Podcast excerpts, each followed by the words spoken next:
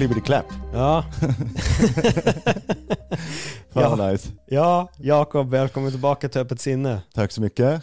Andra gången gilt. Ja men det är ju det. Sist då var vi på Nent, men jag vet inte om det var jag vet att det var inte nu i somras. Var det sommaren innan typ? Mhm. Eller var det till och med Det var, ehm, det var första, vi, vi, har, vi har ju en tidräkning som kallas för corona. Ja, exakt. ja det var innan det. Ja, där, jag tror att vi var inne i, eh, i eh, första, Första vågen eh, första sju, åtta månaderna.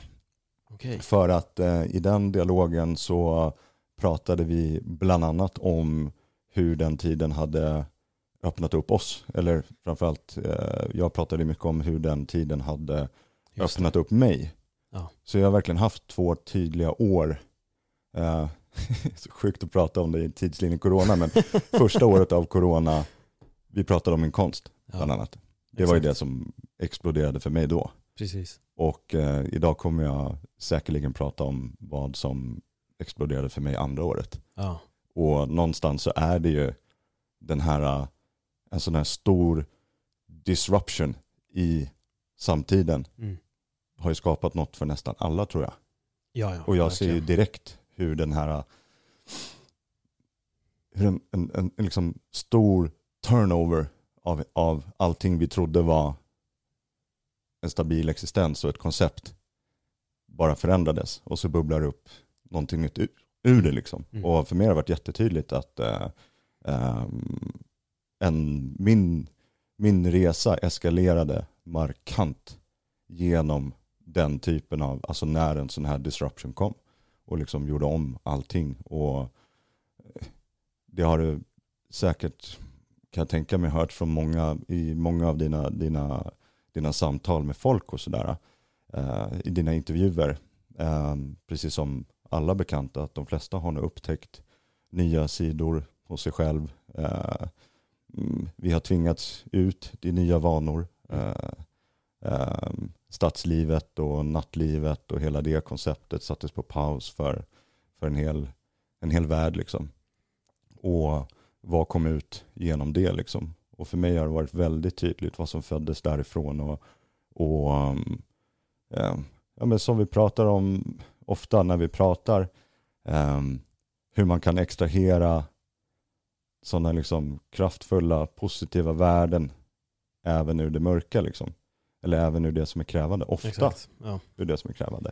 Och, och, och där har liksom, ja, kan man, får man säga så, men att en sån tid har varit lätt eh, de starkaste två åren jag upplevt.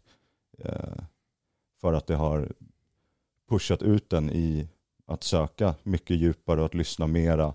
Och jag tror att vi alla har ju fått mera tid och rum och space att tänka och navigera och lyssna. Är det inte egentligen väldigt intressant hur olika alla hanterar den här situationen? Mm. Det finns de som väljer att låsa in sig själva för Mm. att de är jätterädda. Det finns de som anser att våra friheter är totalt eh, fråntagna och Mm. liksom går upp till kamp för det. Mm. Sen finns det de som också är oroliga för ovissheten. Det, det, det Mhm. finns så många läger. Men sen Mm. finns det också det här att okej, nu är det mörker, men hur löser jag mörkret? Och det är Mm. verkligen där du har varit. Att, Mm. att i allt det här så har istället en frågeställning, ifrågasättning om livet kommit. Vad vill jag? Mm.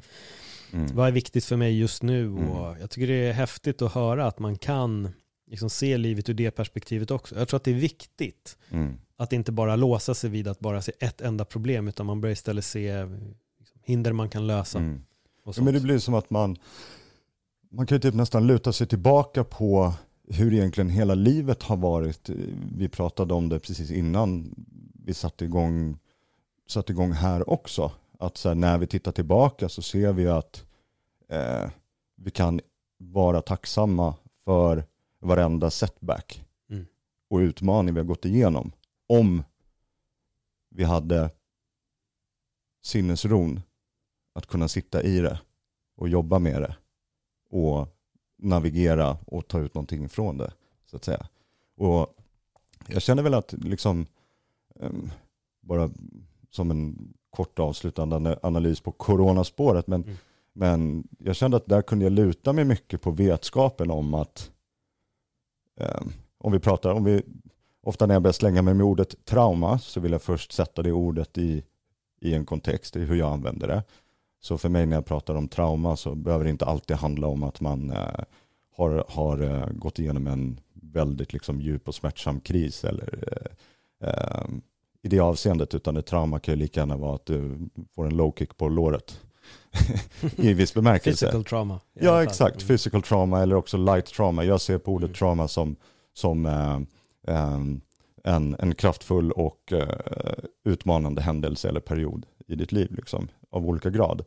Um, så på det sättet så, så um, kan jag, i den kontexten använder jag mig av ordet trauma till ganska mycket i livet, men det betyder inte att mitt liv har varit fullt av de här djupa, djupa såren. Liksom. Mm. Men alla motgångar, snedsteg, eh, sorger, förvirring, smärta, ilska som vi har gått igenom i stort och smått är för mig små och stora trauman som har färgat oss på olika sätt. Liksom. Och liksom, känner mig väldigt trygg de senaste sex sju åren när jag har, har reflekterat mycket, eller kanske reflekterat mera erfaret och kunskapsbaserat kring det. Och där har vi ju svart på vitt att varenda trauma för mig känner jag har fortfarande uppenbarligen varit en del av en röd tråd rakt fram till idag. Och där jag känner att jag sitter idag och är mer aligned, starkare, gladare och in peace än någonsin. Och det är den färden man vill färdas. Mm. Alltid liksom. Och så kommer det komma nya trauman också. Men nu för tiden, jag är inte rädd för någonting brorsan. Jag är inte rädd för någonting. För jag vet att på andra sidan av varenda low kick mm. eller sorg eller misslyckande eller äh, emotionella smärtor så har det uppenbarligen mynnat ut i ännu ett steg framåt mot den bästa platsen jag kan vara på. Mm. Lite grann. Och, och, det är det jag bar med mig in i, i, i en sån här period också. Att jag visste någonstans att jag är inte rädd för en sån, här, en sån här disruption. Jag är inte rädd för att allting vänds upp och ner utan jag kände att jag valde att välkomna det istället. Mm. Jag eh, valde att välkomna det och, och, och dyka, in, dyka in djupt i vad, vad är det som händer här. Och uppenbarligen för alla människor så fick vi loss ett helt nytt space. Vi slutade, vi kunde inte springa lika mycket som vi har en tendens att göra i Stockholm till ja. exempel. Uh, man kunde inte springa och fika hit och dricka bärs där och engagera sig i tusen olika interaktioner och projekt och idéer uh, när man har en mm. vår anläggning lite liksom. Uh, det gick inte och då blev det här spacet som jag tror att jag alltid hade behövt. För att jag är så, så hög intensiv i min livsstil och jag har, all, har alltid haft väldigt lätt för att liksom attach och engagera mig i, i allt som dyker upp. Till slut blir man förblindad för så här, men var är min kompass? Jag springer kanske på 15 spår som är kopplade till också andras drömmar och visioner. Mm. För att jag blir inspirerad, för att jag inspirerar tillbaka. Så det gav mig... Jag vill bara backa en sekund mm. här, så alltså jag mm. inte glömmer den här tanken. Just jag, jag tänker du säger, som du menar med de här små traumorna mm. som du har upplevt. Så tänker jag, tänk i den instansen när de här upp, eh, liksom små incidenterna händer då, då, om du inte hade kunnat titta på dem som du ser på dem idag. Mm. Det blir lite så här, det som heter dödar oss härdar oss. Alltså det, det, är egentligen så det är.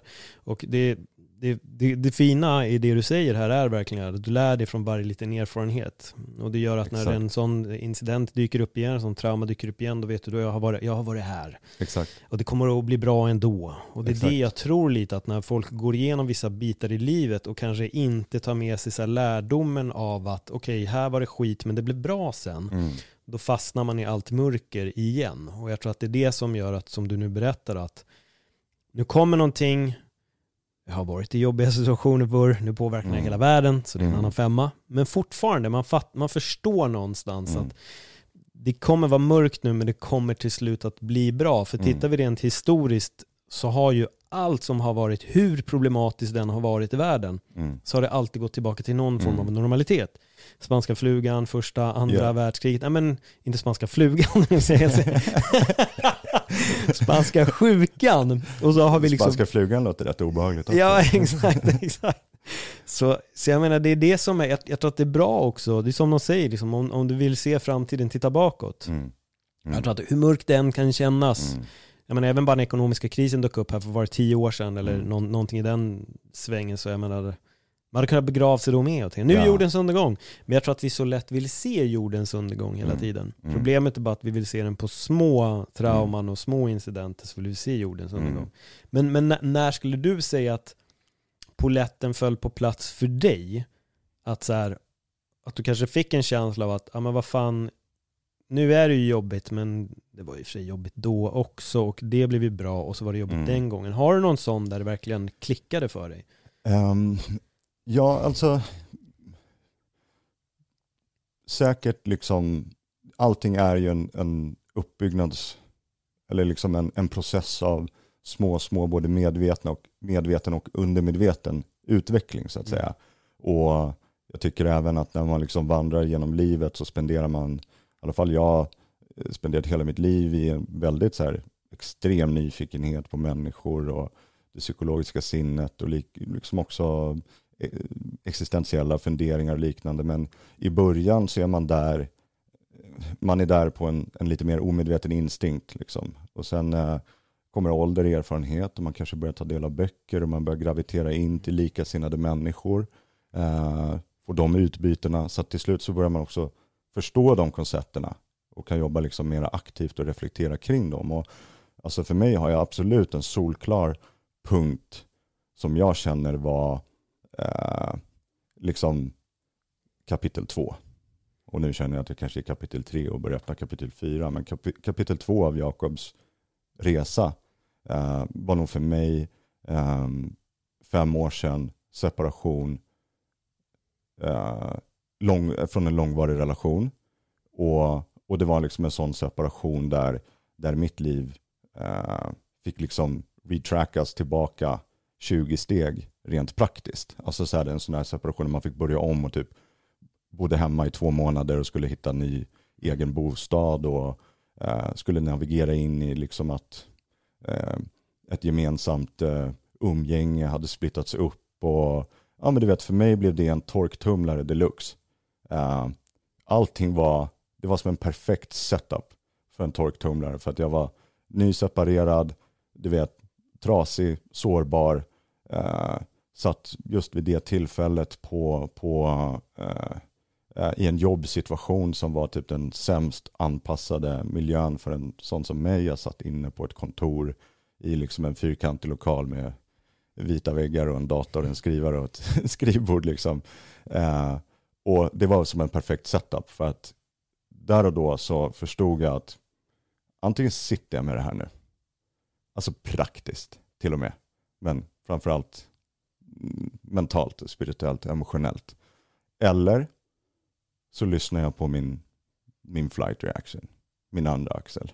Och det är den som kommer vilja leda oss in i flykt, destruktiva beteenden och helt plötsligt har vi gjort fel sak med det här traumat. Och kanske en negativ spiral börjar genom livet. Så jag, kanske, jag minns att jag sitter där på sommaren på det här kontoret um, och är liksom otroligt understimulerad och helt utlämnad till mig själv och min liksom emotionella kris och även existentiella kris. För det var ju så här, vad, vem vill jag bli nu? Hela livet känns som ett, mm, jag beskriver det som en, en stor äng, höljd i dimma. Jag ser två meter framför mig och börjar vandra liksom. Eh, och, och jag visste där och då att liksom antingen så sitter jag i det här och så tar jag fighten och börjar måla mitt nya mästerverk min nya tavla av livet. Liksom.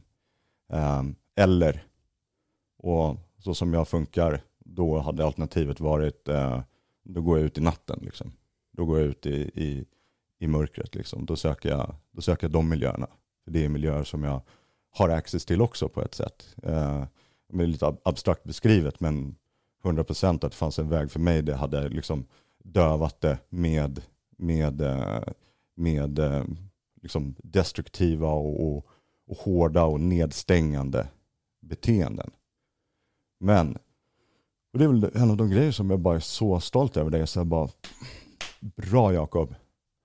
Fan vad tung det är som valde att sitta i typ tre månader och stirra in i den där väggen och gråta när jag behövde och krisa när jag behövde och vara fett förvirrad när jag behövde och bara sitta, sitta, sitta, sitta igenom det. Precis som i de tuffa meditationerna eller precis som i isbaden. Alltså sitt igenom det. Och genom att sitta igenom det kunde jag sakta bygga upp en, en, en inre balans igen. Den balansen tillät mig att göra djupgående reflektioner och till slut kunde jag börja omsätta den här traumat, det här emotionella traumat som ett, ett, eh, ett uppbrott är. Kunde jag börja omsätta det till att lägga mitt nya pussel.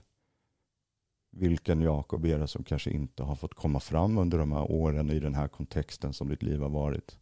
Um, vad, vad är det som bubblar upp i dig? Vilken typ av människor är det?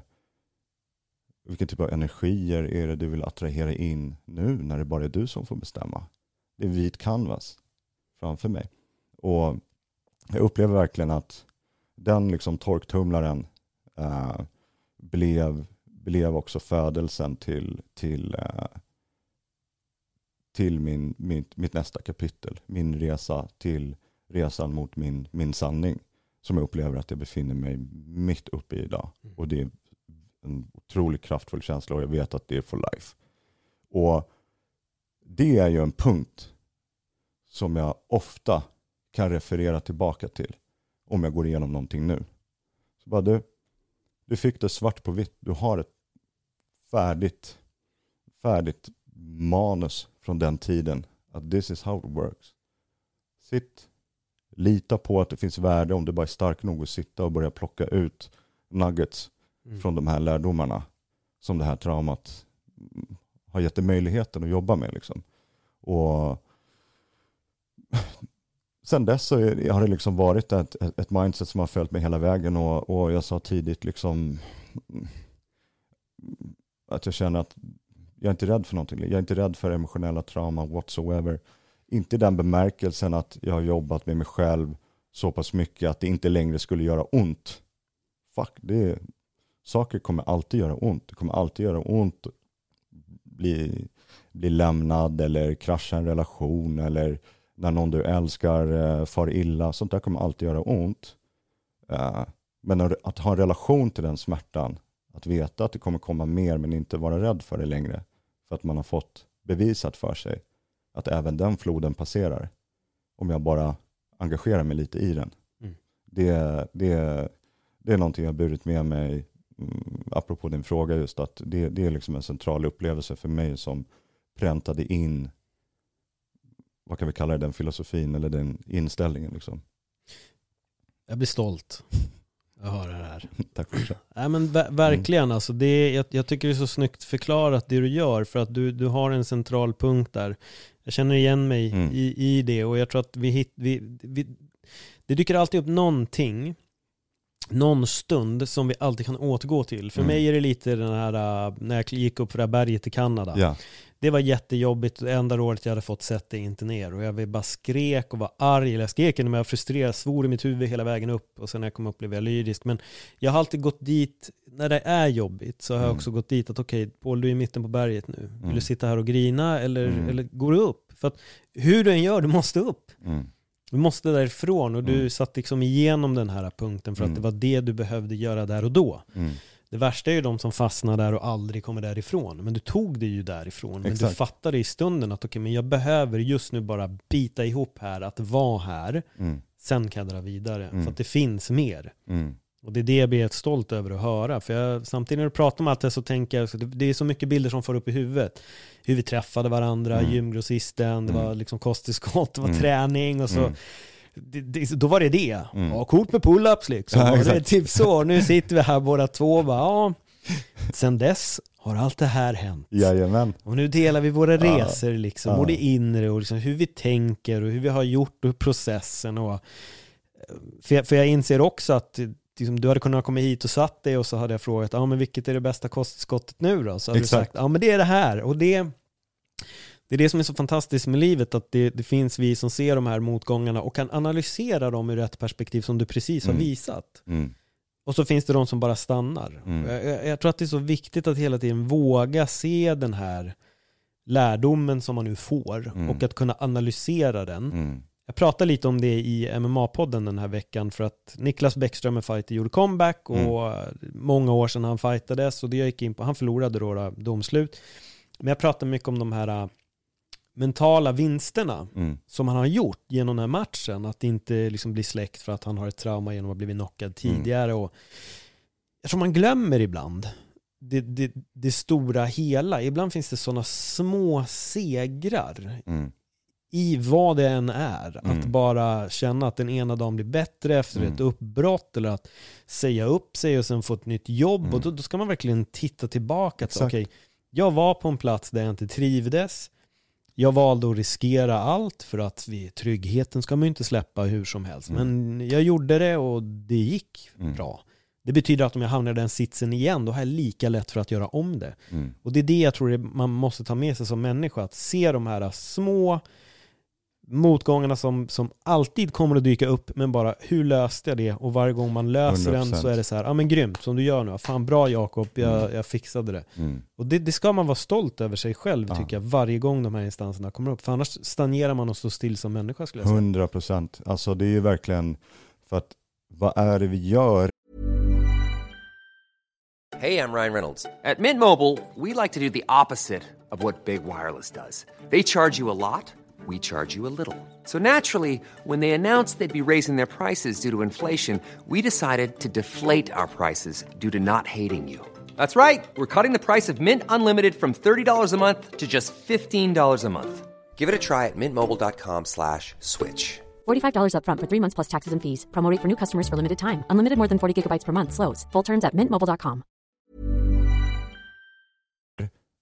varje gång vi faktiskt tar, tar oss tillfället att liksom orka stanna upp och titta. Um, och kan ju fördjupa oss i det, det sen, liksom metoderna för att kunna hitta dit. Det är ju någonting vi båda sysslar med väldigt mycket i form av, av eh, liksom hela mindfulness-spektrat och sådär. Det är verktyg som hjälper dig att navigera i det spacet. Men eh, vad är det vi gör? Jo, det är att för varje gång, vare sig vi, vi lär oss att vi inte ska dricka 14 bärs eller att vi påminner oss själva om att vi satt igenom någonting riktigt tufft, det stora och det lilla, det är ju att vi skapar sakta en playbook mm. of life. För att vi får se svart på vitt. Det är så, Paul. När vi tittar tillbaka så vet vi svart på vitt. Allting passerar. Allting kommer att flöda vidare. Det du trodde var jordens undergång för sju år sedan, det var tydligen inte det. För du sitter här idag och skiner som en, en, en, en kung. är du med? Och det är liksom, du vet, det är undeniable. Du mm. kan inte sudda ut den vetskapen. Det är, it is the truth. Liksom. Det är så det funkar. Och, och man bygger hela tiden sakta, sakta en playbook på det sättet. Ja, men just det. Vad fan, förra gången jag kände så här, då gjorde jag så, då blev det så här. Okej, okay. då gör jag så igen. Mm. Likväl som ska man leka med tanken till exempel om jag, vilket jag har gjort, gått in i reflektioner på vad händer om jag, vad, vad hade hänt om jag där och då, till exempel i min torktumlare den, den perioden, inte hade orkat sitta och istället hade valt det andra. Det hade lika gärna kunnat bli en, en, en spiral som hade kunnat ta mig långt ner i mörka, mörka hålor. Kanske, kanske in i en livsstil som jag kanske aldrig hade kunnat vända på för att den hade, hade raserat min förmåga att ens se mig själv. Tror jag menar? Mm. Det är det som är så intressant ur, ur liksom det psykologiska sinnet generellt.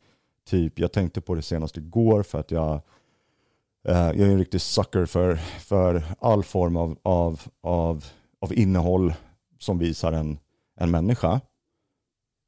Dina, dina intervjuer, alltså Die Hard Joe Rogan-fan, men också så här, jag sträckkollar på Bachelorette liksom.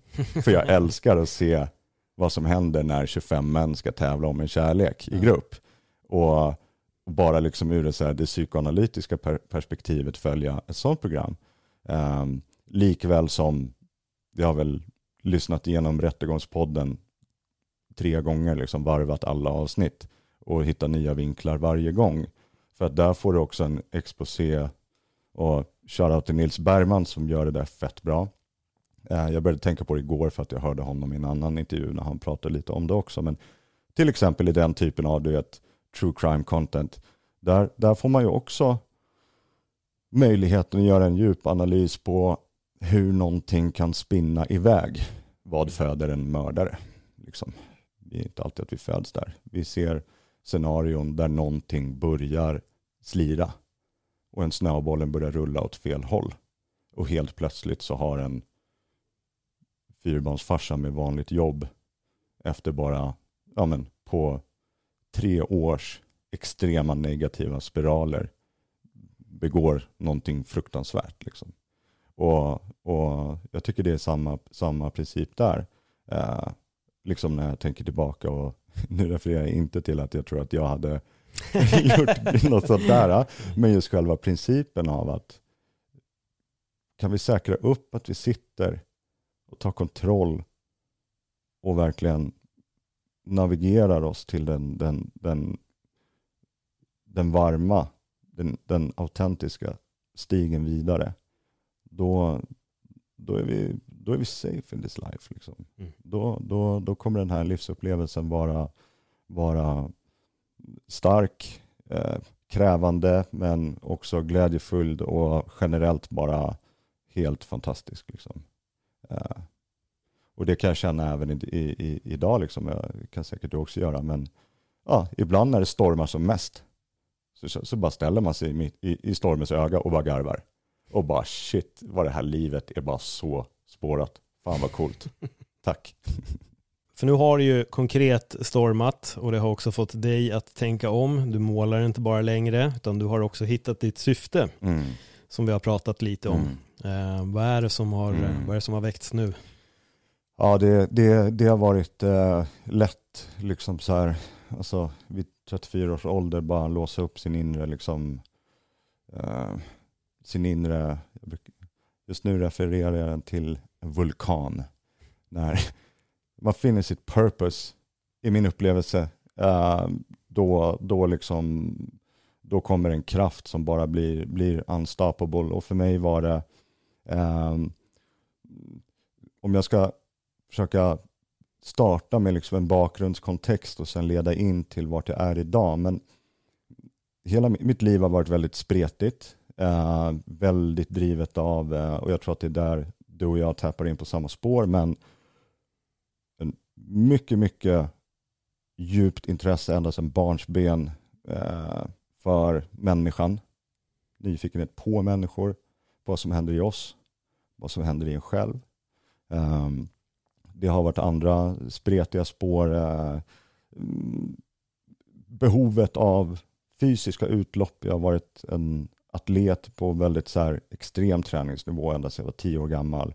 Eh, nyfikenheten har tagit mig till säkert 15-16 olika discipliner, liksom kampsport, styrketräning, fotboll, alla olika grenar av fysisk träning inom det spacet, fem, sex olika kampsporter. Och där har också varit ett spår, eh, ett fjärde spår och jag kommer sy ihop det här strax, men ett fjärde spår yrkesmässigt gjorde jag väl ungefär till och från, men en tio år inom kommunikation och reklam och copywriting parallellt med det udda valet att vara dörrvakt samtidigt.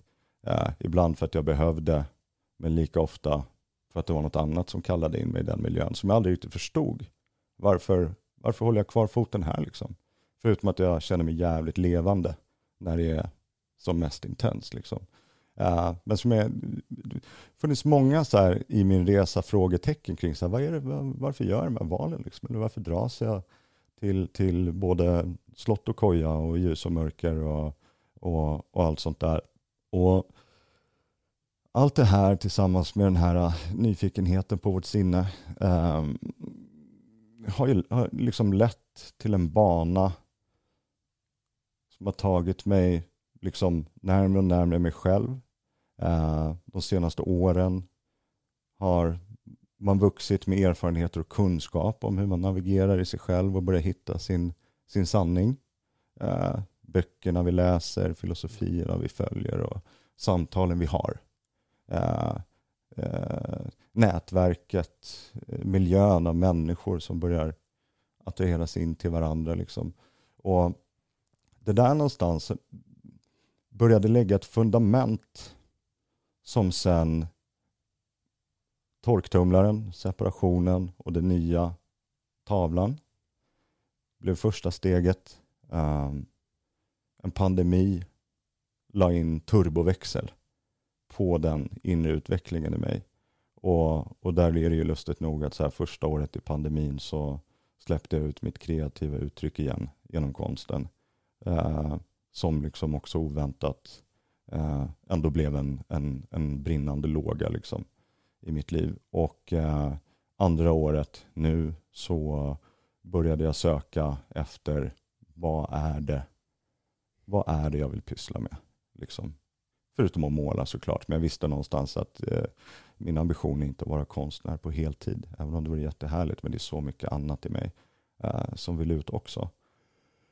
Och eh, eh alltså jag minns, jag, jag vet faktiskt, eh, jag vet faktiskt vart någonstans det startade. Och eh, den här historien blir på ett vackert sätt eh, extra stark idag mm. att prata om.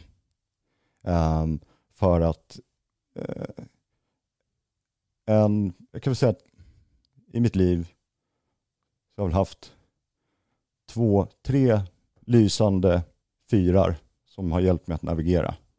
Min mamma och min pappa. Och sen så är det en person till och det är Björn Nattiko Lindeblad som när jag vaknade i morse fick höra att han hade gått bort. Mm. Eh, hans ord och eh, kommer rekommendera alla som tar del av det här eh, att läsa hans bok, att följa en del av hans filosofi.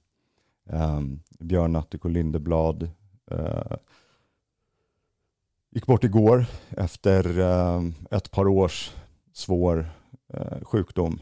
Eh, han visste att han skulle gå. Eh, jag som har levt genom hans filosofi redan innan jag stötte på hans böcker och bara hittade hem. Eh, har också vetat att han skulle gå bort. Men det, det kom ändå tårar i morse. Jag visste att det var nära också. Eh, hans ord som jag snappade upp för två år sedan ungefär när jag läste hans bok första gången.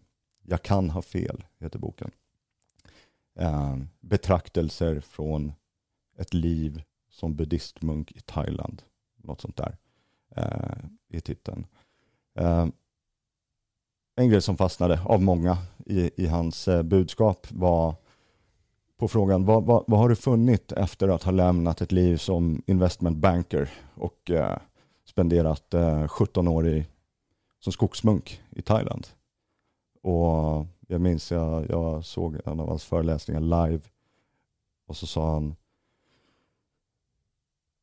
Jag har funnit att syftet är att finna sin gåva och ge bort den. Och när jag hörde det där och då, för två år sedan, då var jag inte alignad i, i mitt purpose. Jag hade inte inlett djupet i min egen resa och försöka upptäcka var det är någonstans jag, jag ska vara och hitta min min peace, liksom, mitt purpose. Så jag hade svårt att, att, att, relatera till, eller att förstå innebörden av, av de orden. Jag kommer att gnagde i mig. Ett och ett halvt år kunde jag jobba med den här koncepten. Liksom. Men finn din gåva och, liksom, och ge bort den. Då ge bort den liksom. Och det här fanns med mig. Och sen i mars 2020 var jag på en weekend i, i Rättvik, underbara Dalarna. En liten vinterweekend och spenderade en fem, sex dagar i, under himlen i iskyla, så som jag gillar det. Och du vet, sprang i gryningen längs, längs vägarna och dalarna. Um, så bara gick det upp för, för mig där att jag spenderat mycket av mitt liv med att bygga min inkomst på saker som jag kanske mera är bra på än är passionerad kring skillnaden på talang och passion till exempel. Mm. Uh, vilket är en väldigt svår stig att navigera på. För du kanske har någonting som bara, Paul du är så jävla bra på det här. Det här borde du pyssla med. Och man liksom bara, okej, okay, ja men lätt. Jag, jag fick tidigt veta att jag är väldigt duktig på att kommunicera. Jag är väldigt duktig på att kommunicera ut i text, i tal, men också på att extrahera kommunikation och förstå och så vidare. Så att därför blev ju min, min yrkesbana eh, centrerad just kring kommunikation och copywriting och sådär. Vilket har varit roligt men det har också alltid funnits ett litet skav. Så här, vad fan, varför väntar du alltid in i det sista med dina deadlines? Liksom? Varför kommer det inte frivilligt? Alltså alltid den där. Och så har jag tacklat, tacklade jag det med, med negativ self-talk. Mm. Ja men du är lat. Du är inte disciplinerad som dina, dina dina entreprenörspolare som är uppe 04.30, liksom 5 am club, let's go. du vet. uh, så att min relation till, till liksom min yrkesroll, det har, alltid funnits ett skav. Och, och det skavet har bidragit liksom till ett, uh, som jag förstår nu, bara ett felaktigt, uh, felaktig sågning av mig själv. Det är inte lat. Mm. Det, det var någonting annat. Det var inte i din sanning. Um, och där någonstans då när jag går det är nästan lite billigt, ironiskt. Jag, går, eller jag springer i gryningen i Dalarna, solen är på väg upp till typ minus sju eller någonting. Och, och jag springer liksom, det är bara skog överallt. Och så går det upp på mig, går upp för mig, bara finn din gåva och ge bort den. Och vad är, det, vad är det jag gör? Vad gör jag om ingen, ingen säger åt mig vad jag måste göra? Vad är det jag gör i mitt liv som ändå bara händer hela tiden. Och då är det bara, fan, jag är ute fyra på morgonen och springer. Jag är ute i skogen på natten och lyfter sten. Jag är på gymmet. Jag, är, jag, jag, jag boxas, jag tränar kampsport. Jag utforskar djupt och spirituellt alla de här koncepterna. Uh, uh, och när jag inte använder min kropp i extrem fysisk belastning så sitter jag sannolikt och går ganska djupt in i sinnet istället. Och sen så bara, fan. Alltså jag har inte sett skogen för alla träd. Inser jag där, när jag stirrar in i, i, i Dalarnas djupa, djupa skog. Och uh, där någonstans så klickar det till. Och de orden landar i mig. Och jag förstår att jag har nu i, så är 34, jag har nu i, vad blir det, 24 års tid fostrat och utbildat mig själv i saker som jag älskar. Men aldrig kopplat det till att det kan vara någonting som kan vara min sanning och min inkomst, mitt yrke. så att säga. Eh, jag hade dömt ut så här med träning, vadå PT, typ stå på sats och peka på folk och bara nu ska du göra tio air squats liksom. Du vet det där, det var ju så här, hell no. Eh, nej, nej, nej, PT, det är inte det jag ska bli. Så börjar någonting landa där och, och, och jag tror att det som går upp för mig är någon slags trygghet i att 24 år och produkten av allt jag har gjort, även de udda spåren, även 10 år som dörrvakt i förorterna, i Stureplan, i privatfesterna, i personskydd, de här märkliga miljöerna har gett mig unika kompetenser som jag känner att jag kan gifta ihop med 24 års utforskande av våran kroppskapacitet och våra mentala kapacitet inom träning. Och på det så inser jag att jag känner ändå att jag har kommit ganska långt i min förståelse för för det psykologiska och det, det emotionella och just relationen mellan tankar och känslor och de koncepterna. Så där och då går det upp för mig att det är, det är dags att dela. Jag tror att det är dags att dela nu. För jag ser ju att allt det som sker när ingen tvingar mig att göra någonting, det är ju där jag har byggt upp någonting som jag känner att det här, det här kan jag dela vidare nu. Och där föds liksom min sanning där och då. Där börjar jag att skissa och bygga på det som är min, min yrkesroll idag. Eh, med mitt, mitt företag. Eh, Apex Performance Collective som är eh, som basically är ett koncept, ett träningskoncept för self-mastery, liksom. självbemästrande. Eh, där jag idag har privatklienter och grupper och, och ja, allt som kommer komma nu i år också med ungdomsarbete och liknande. Men där jag har tagit kampsporten, meditation, breathwork, mobilitet, uthållighetsträning och resilience, cold exposure. Eh, och fört ihop det till ett koncept som jag nu delar vidare och lär och coachar folk i. Eh, och, och helt plötsligt så har även liksom de här, eh, min ganska djupa erfarenhet av typ extrem konflikthantering från, från liksom nattmiljöerna, eh, mina lite udda små vägar in i, i ljusskygga miljöer också. Även de så här, made sense.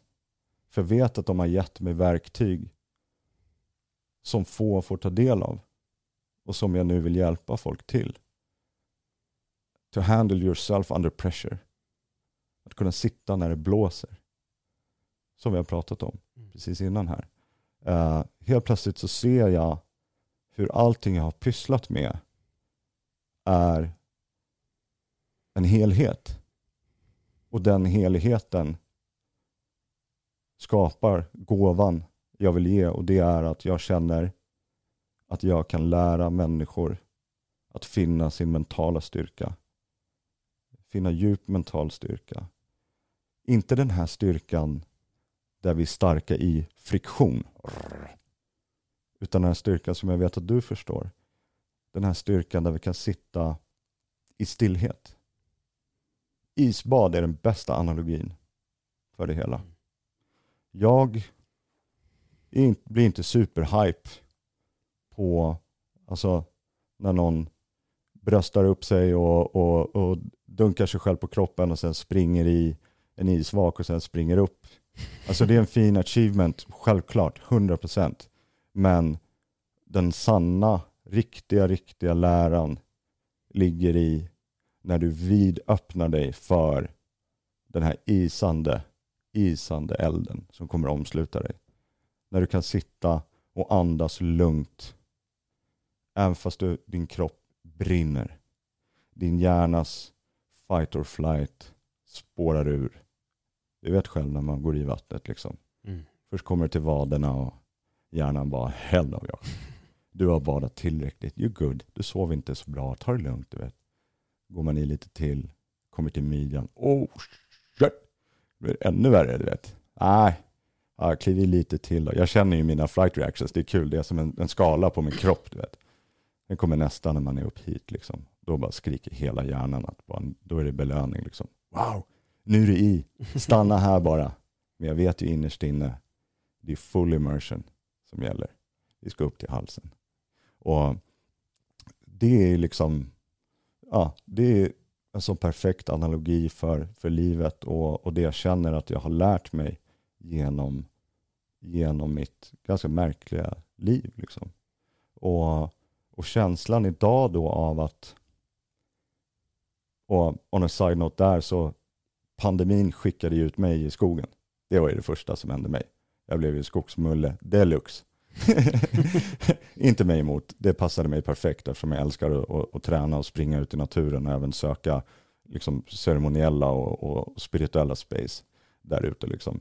Men för att summa summarum där så, så känner jag att, att den kraften som har kommit genom att jag nu får leva genom, genom mina sanningar. Jag får leva genom att varje dag träna, springa, fightas, meditera, andas, sitta i skogen, göra upp eld, ta ett isbad.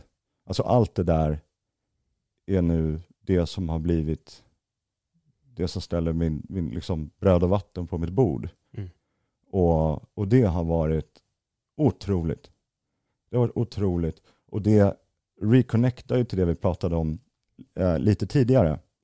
För att för mig så blir det, det blir som den största stämpeln någonsin på att jag ska vara så tacksam för allting. Inklusive traumorna. Mm. Det här är ju det som eh, Alan Watts pratar om. Vad mm. skulle du göra om pengar inte var ett alternativ? Ah. Liksom, vad, vad, skulle du vilja göra då? Mm. Mm. Och då kommer ju alla med sina idéer. Liksom, ja, men det här och det här och det här. Och då mm. säger han det att om du håller på med det hela tiden så kommer du bemästra och till slut kommer du mm. kunna tjäna pengar på det. Mm. Mm. Så du är hamnat... Ja men han säger det, exakt. Och det, jag vet inte liksom, men för mig, det, det var inte så här första gången jag hörde det, utan det var lite som med Björn Natthikos ord också, att typ den grejen liksom, men, ja, men typ mina föräldrar som liksom har sett mitt snitslande genom livet, bara, men Jakob, bara vad, vad, vad, är det du liksom verkligen skulle vilja göra? Eller som du säger, om du fick 10 miljoner. Liksom. Men hade ändå inte kunnat tappa in i, alltså det som kom upp i mig då, jag minns inte, men säkert var det så här, ja men lätt vadå, så här, ja, köp en öl liksom. Eh, men, men i takt med, med eh, den inre resan, med mm. arbetet, så börjar liksom dimman och lyfta och kompassen börjar aligna in sig och helt plötsligt så mm, min favoritmening, suddenly it all made sense. Mm. You know? och, och, ja, så så har det varit och det har varit en häftig tid och det har varit så jävla coolt och uh, uh, alltså på ett sätt så liksom hur vår relation har varit en linje genom det också för att vi, vi, vi tar alltid tillfället i akt att extrahera varandra och livet mm. tillsammans. Och det var så fint att typ förra gången vi satt tillsammans då, då hade, hade den första luckan öppnats för mig. Och vi pratade om den. Där sitter vi nu och det är så tydligt nästan på årsdagen. Ja. Så har andra luckan öppnats. Liksom. Nej, så det, det, det, jag upplever en, en, en riktig renässans mm. i mig själv och eh, en enormt kraftfull energi i, i det jag gör för att jag, jag litar så blint på, på, på hur jag vandrar min väg nu. Så att eh, det, det är liksom den känslan och jag tycker det är så häftigt att eh, vi båda eh, typ gör det liksom just nu. Alltså mm. att vi, vi, vi båda vandrar ut nu och vi vet, jag är ganska säker på att du vet också, att du är aligned nu. Och vad som kommer formas mm. utifrån din autentiska väg där du nu följer dina passioner och det du är riktigt, riktigt duktig på. Jag har väl också uh, funnit gåvan om man säger så. Exakt, exakt. Med, med öppet sinne och på det. Men, och jag tänkte lite på det här när du pratade om det. Det är rätt intressant egentligen hur ett citat först inte fyller någon form mm. av logik. Mm. Att inte förstå den men att sen helt plötsligt faller den på plats. Mm. För det är någonting jag upplever idag om jag jämför med förr. Så kunde jag läsa citat och det var så här, men det lät bra. Mm. Men just nu så landar citat på ett helt annat sätt. Mm. Jag förstår dem på ett annat sätt, jag kan applicera dem, jag kan titta tillbaka. Som du kanske har sett på Insta, att jag mm. ibland tar ett citat men sen skriver min så här, egen synpunkt Exakt. om det.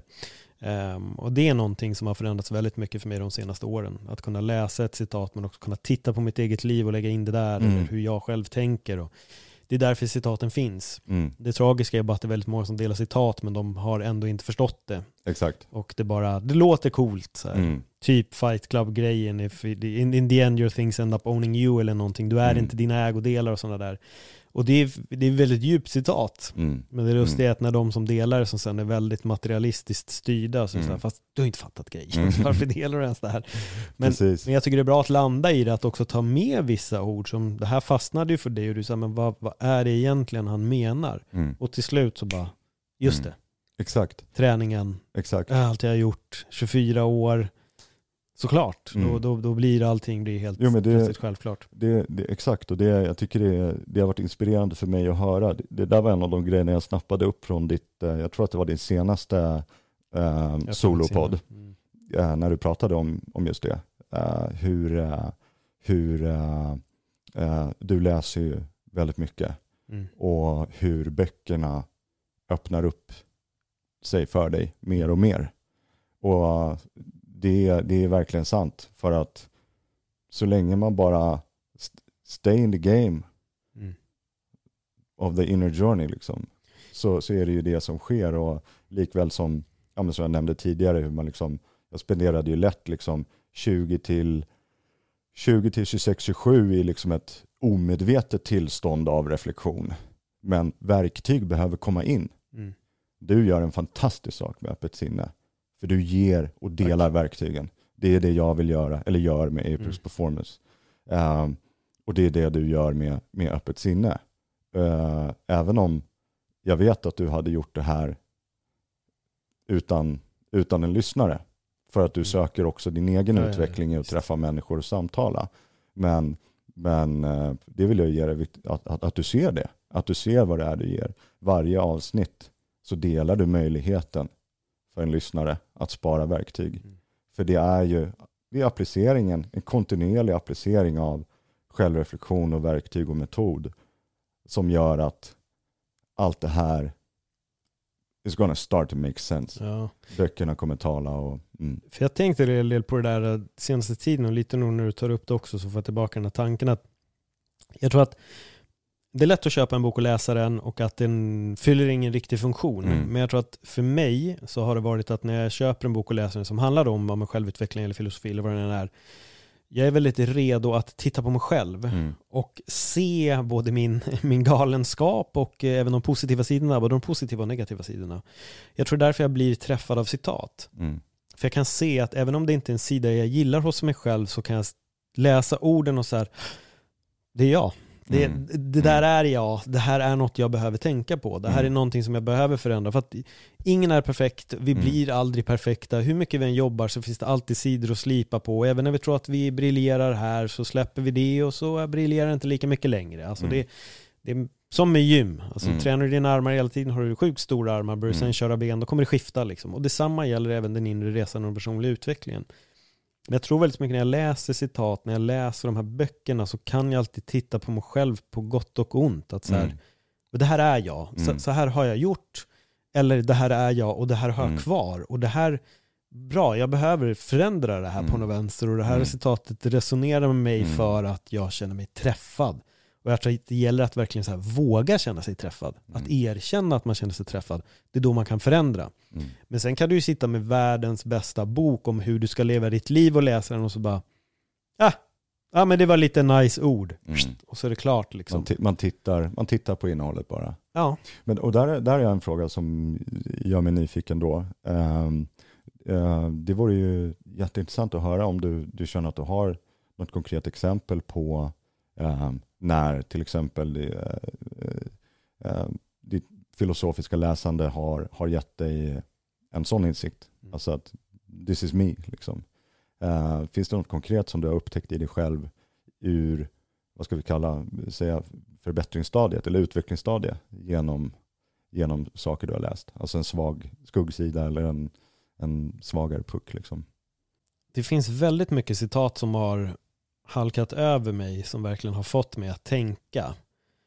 Men jag vet, nu kanske inte det är det konkretaste exemplet, men det är nog någonting jag kommer på. Och det är när jag läste om taoism, om själva boken Dao De Ching då, som jag läste. Och där, det är bara egentligen en massa korta citat. Små citat, men då var ett citat att om du slipar kniven för mycket, då blir den slö. Mm. Och då började jag helt plötsligt tänka på saker som jag har gjort för mycket utav och hur jag har förstört dem. Mm. Att, jag menar, och, och det är ett väldigt, citatet är så, det är så löjligt på ett sätt, men det klingade så bra för mig och jag började verkligen bara ta det här sättet att okej, vad har jag egentligen gjort för mycket? Jag kunde se allt ifrån hur jag har ja, men, gjort grejer inom arbeten eller hur jag har varit i relationer och liksom försökt åstadkomma vissa bitar och jag inser det, det finns verkligen en punkt där vi gör för mycket, där vi Mm. försöker, vi anstränger oss på tok för mycket och det behövs inte. Mm. För att det blir för mycket. Mm. Och det var verkligen en grej som klingade för mig. Jag vet att jag började skratta för jag var ute och gick, det var sommar och jag var ute och promenerade. Jag började typ skratta för mig själv i typ så tio minuter för jag tänkte, alltså det här skitcitatet, Mm. fan vad bra det är. Mm. Det blev min, Mm. min verkligen känsla. Men sen har jag många sådana där som jag vet har dykt upp. Jag menar just Senecas också, det är någon som har präglat mig jättemycket. Alltså Just det citatet har präglat mig jättemycket, det här med att om någon pratar illa om dig, Mm. är det, liksom, är det skitsnack eller är det bara non, är det sant eller är det Mm. bara nonsens? Mm. Och den är otroligt bra för att den pekar ju på att varje gång någon nämner något för en, så det är mitt aktiva beslut att ta illa upp. Ja. Jag väljer själv att göra det. Mm. Och jag har nog aldrig hört det ur, ur det perspektivet, utan så som vi uppfostrar så är det mer, ja men om den där snackar skit om dig, mm. då måste du, och då ska man typ sätta den på plats, man ska inte ta skit och hela den biten. Men genom att inte ta skit ur aspekten att du ska inte kunna säga de här grejerna till mig för då kommer jag, då kommer jag göra det här och det här. Mm. Det gör ju att den andra personen har redan vunnit. Mm.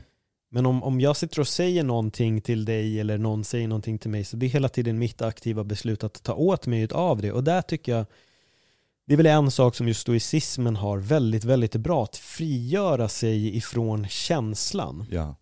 Och att en känsla är bara en känsla. Det finns riktiga känslor som vi bara ska frodas i, som typ då finna sin gåva, ge tillbaka den. Mm. Att liksom du mår bra genom att ha gett något mm. till någon som det kommer förändra den personens liv. Mm.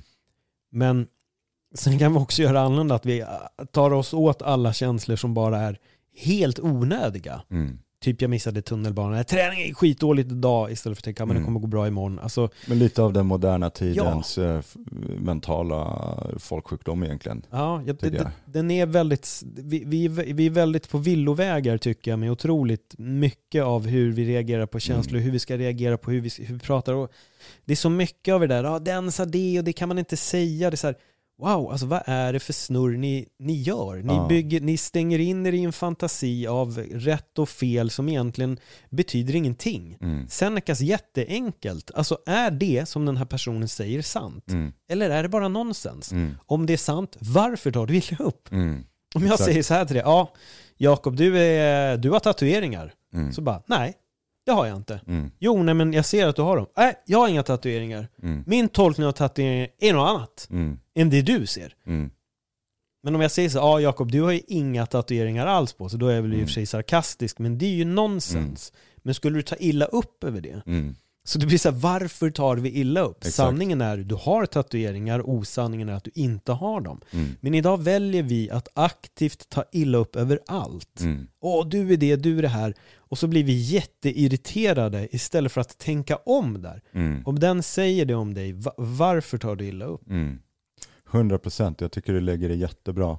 Och, och jag tycker att liksom när du lägger upp det så här så står det ju också ännu tydligare kring varför vi båda kan konstatera att en ganska central eh, kombination i våra livsfilosofier är såväl stoicism som buddhism. Ja. För att båda de här liksom filosofierna eller synsätten eller förhållningssätten eh, tappar ju in på det här lite grann från varsitt håll. Alltså stoicismen i sin liksom pragmatiska hållning och som du säger, eh, eh, liksom lite detach emotional detachment. Mm. Eh, och där kan jag, kan, jag, kan jag ofta se att, eh, kan uppleva att ibland, i alla fall i min, enligt min liksom upplevelse eller tolkning av stoicismen, att det har ingenting att göra med att du blir eh, känslokall och cynisk mm. för att du, du eh, lever genom ett liksom stoiskt perspektiv. Absolut inte. Um, känslor och närvaro är, är högst närvarande. Men pragmatiken är så viktig för att kunna navigera i livet. Liksom. Ja, men är det här sant eller inte? Liksom? Ja. Och på samma sätt från, från eh, buddhismen och i synnerhet från eh, Björn, Björn Natthiko Lindeblads bok och lära, eller vad man ska säga. Eh, boken heter Jag kan ha fel. Mm. Och vi, Idag lever vi i en tid där ingen vill ha fel. Exakt, så vi skapar ju bara fruktansvärt mycket friktion mm. överallt. Liksom, istället för att så här, ja men jag kanske, jag kan ha fel. Jo men det kanske var jag som skulle diskat den här disken. Och vips så slapp vi en konflikt ikväll liksom. Till exempel. Och, och jag tycker det är, det, det är två centrala spår som eh, enligt min upplevelse är verkligen, verkligen de stora nycklarna. Att kunna förhålla sig till livet på det sättet. Ja, jag, jag kan känna lite så här med stoicism. För att jag berättade för dig precis innan vi drog igång då, att jag läser titt som tätt, så, jag läser alla möjliga typer av filosofi, men jag återkommer alltid till mm. stoicism mm. på ett eller annat mm. sätt. Um, men jag läste parallellt med Seneca och Aurelius så läste jag också Steve Hagens Buddhism Plain and Simple. Mm. Och där tyckte jag på något sätt att jag hade påbörjat den här boken för ganska länge sedan, men jag slutförde de sista hundra sidorna här då. Mm. Uh, och då kände jag att buddhismens verktyg ger svar på stoicismernas mm, tankar. Mm, mm. Det, fast att de två går hand yes. i hand. För, för stoikerna är mycket för hur man, alltså, de, de kommer med tankar och idéer om mm. hur man ska kunna leva. Mm. Medan då själva buddhismens verktyg för hur du ska jobba med meditation och liksom släppa egot och allt det där. Så när jag läste dem parallellt var jag bara så här, oh, wow, här har jag supercitat och här har jag svar för mm. hur jag faktiskt ska applicera det här till min vardag. Mm. De förklarar verkligen, inte som att de sitter och säger så här, gör du för att leva efter stoicismen, men de går hand i hand på ett sånt fantastiskt mm. sätt. Mm. Så jag rekommenderar verkligen Buddhism Plain mm. Simple, för det är också, han, han, det är bara små, liksom fyra, fem meningar där han går in på olika bitar i livet. Allt från meditation och tankar och funderingar och men väldigt, väldigt mycket. Mm. Och jag gillar verkligen de två sätten för mig. Det blir på något sätt min så här helhet. Jag mm. gillar verkligen att gå in i dem. Och jag, tycker att... ja, jag, blir, alltså, jag blir bara äh, jätteuppfylld av att höra dig äh, prata. Eh, det är liksom, du lägger det briljant och du, du sätter ord på någonting som jag inte har äh, reflekterat kring med någon annan, bara med mig själv eh, den här uh, kittlande giftermålet mellan just stoicismen och liksom en delar av den buddhistiska läran. Och, och, du sätter verkligen fingret på, på vilket sätt det är de kan gifta sig till ett mm. väldigt, väldigt, tycker jag, givande eh, förhållningssätt eller livsfilosofi. Mm. Det är verkligen så. Eh, där, där buddhismen får finnas där med sin öppna hand, med, med sitt mjuka hjärta och med sin närhet. Uh, och där stoicismen ger oss den livsnödvändiga pragmatiken och acceptansen av lidande. Mm. Och styrkan i det.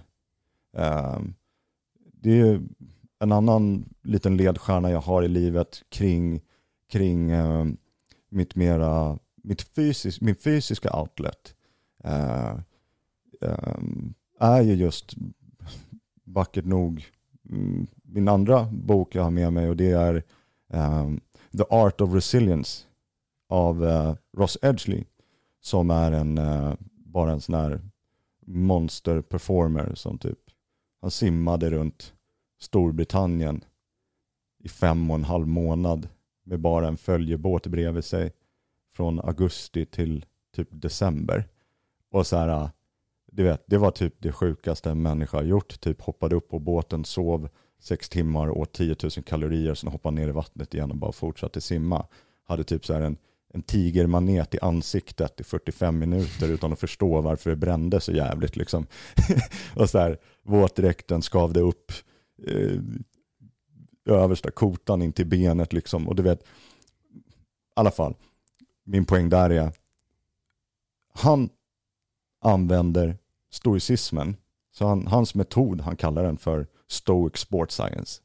Och det är någonting som jag själv applicerar i den delen av mitt liv.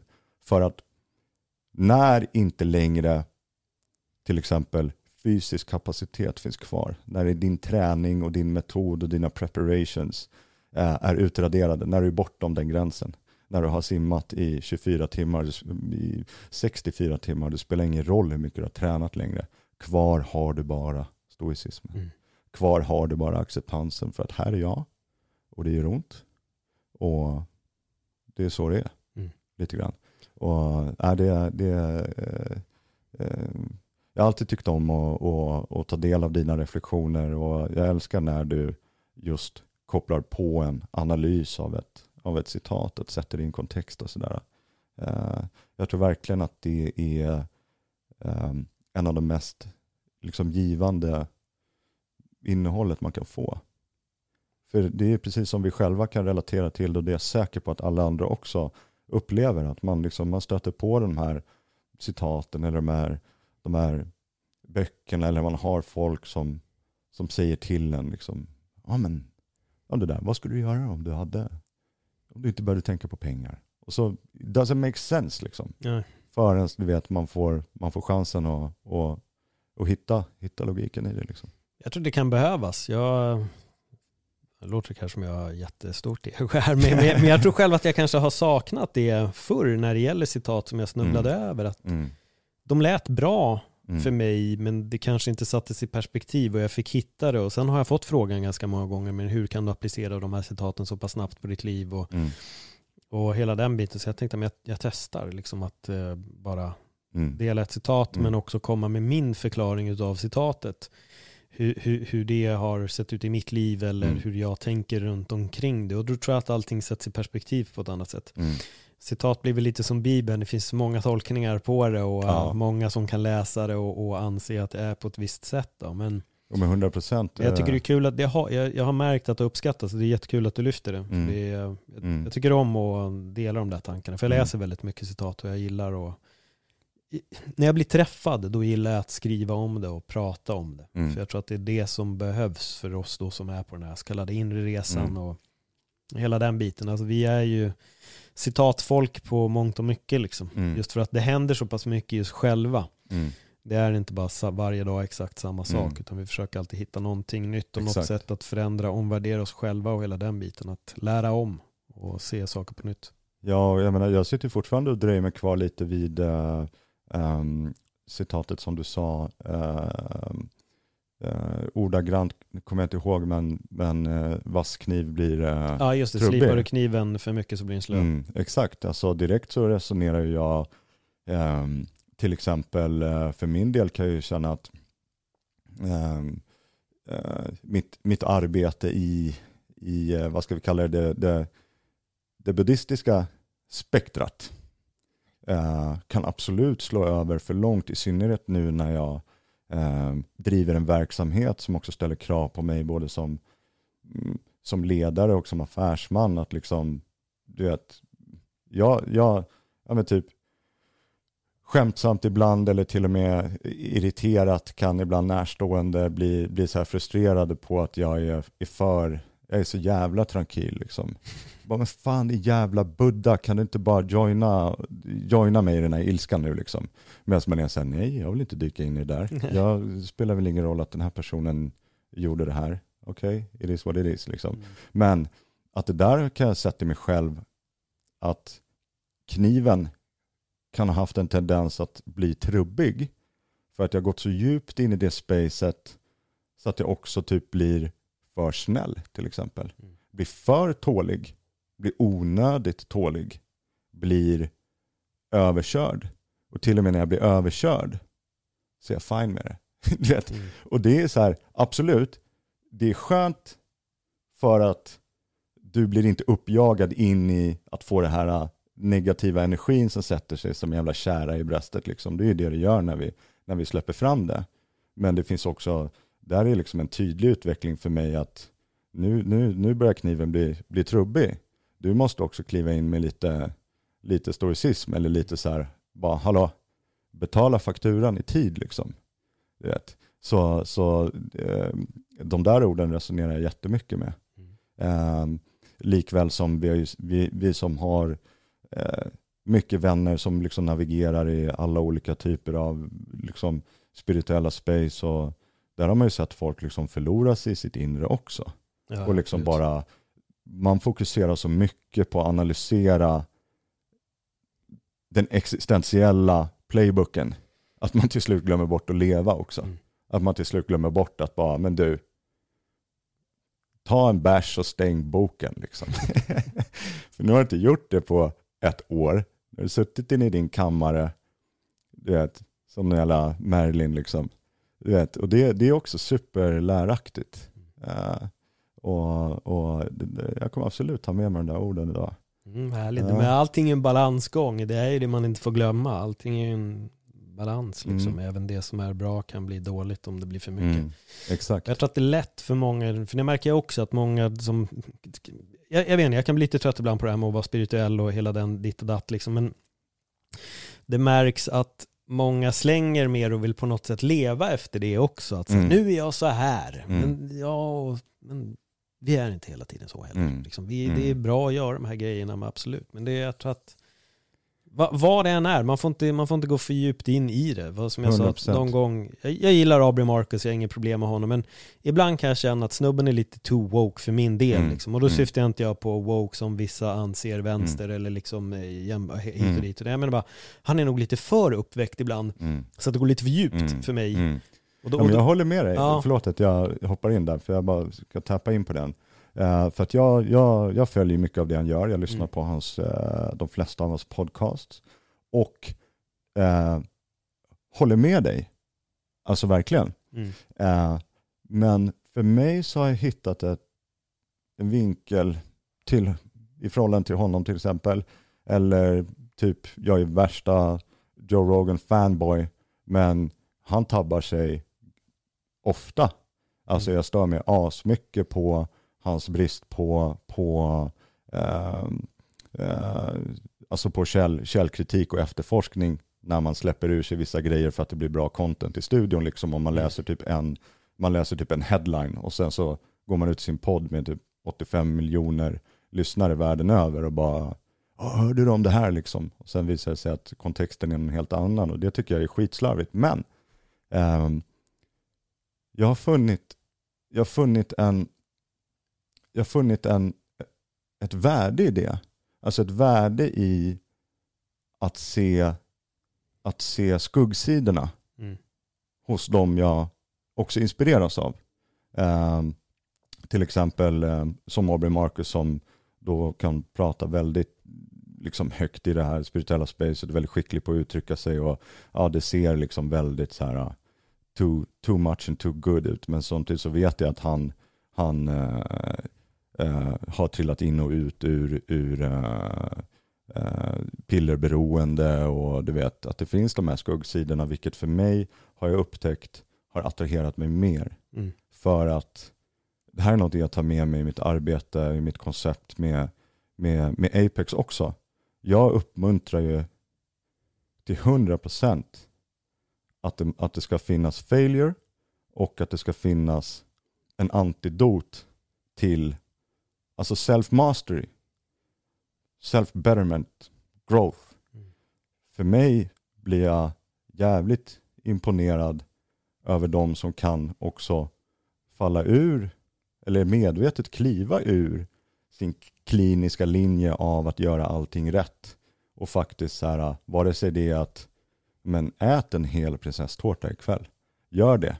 Om du känner att den här tårtan kommer ge dig en själavård som får dig att prestera ännu bättre nästa vecka när du ska fortsätta med din periodiska fasta till exempel. Uh, och jag tycker det, där tycker jag är liksom, där är livet liksom. Där är det, där är det vi ska vara. Kan vi, kan vi väva in, kan vi väva in, istället för att göra det till en failure, kan vi väva in de här avstegen från vägen till en medveten handling för självbemästrande. Mm. If that makes sense. Liksom. Ja, ja. Um, så nej, det, det, det är intressant. Det är verkligen intressant att, att, att reflektera kring. Mm. Du, vi har tyvärr nått vår slutände på, på avsnittet. Vi är Tack cirka 70 någonting minuter in. Eh, men jag vill ändå avrunda med att hur får man tag på dig ifall man vill eh, träna med dig? Mm. Hur, hur hittar man dig då? Eh, man hittar ju mig, jag är just nu på Instagram och man kan väl säga att eh, Apex Performance Collective som verksamhet eh, eh, smyglanserades under hösten med eh, hela mitt eh, privatkundsklientel medan jag har eh, byggt eh, infrastrukturen bakom och eh, nu i, under Q1 så eh, rullar jag igång eh, grupp, grupp och teamprogram eh, mm. där man liksom jobbar i, i, i gruppträningar, eh, både liksom ute i Hellasgården, i gryningen och lite allt möjligt. Eh, likväl som att eh, eh, vår nya hemsida och lite brandingarbete eh, går hand i hand med den lanseringen. Så eh, Jakob understreck Apex PC, Apex Performance Collective, är den plattform som jag navigerar i uh, just nu. Mm. Så jag menar, alltså är man nyfiken på någonting så hojta till. Det är fan det bästa jag vet och, och, och, och träffa människor och se om det finns någonting man kan göra tillsammans, om det är någonting jag kan bidra med. Så att, uh, allting det där är frivilligt. Jag, uh, eftersom, eftersom hela programmet innehåller allt jag älskar att göra så är jag ute varje dag och springer med klienterna och hoppar i, hoppar i, i badet med klienterna. det, var lite, det var lite roligt faktiskt under, när vintern kom i antågande och jag började inse vad jag hade gett mig ut på för spår när det blev så här shit, jag har typ tre isbad idag planerade med tre olika personer. Du vet, så en, en, eh, en kritisk intention för mig 2022 när jag började formulera den eh, efter nyår, den landade ju i lev som du lär. Ja, det får, man, då får man bada många gånger. Ja, jag är glad att jag har vänner som dig som äh, är en embodiment av, äh, av hela det konceptet. Ja, men härligt att höra. Så, så där finns jag och äh, faktiskt avslutningsvis skulle jag vilja lyfta igen. Yes. Jag har med mig den här boken. Det slog mig så starkt i morse när jag fick reda på att att Björn hade kilat vidare. Uh, jag kan ha fel.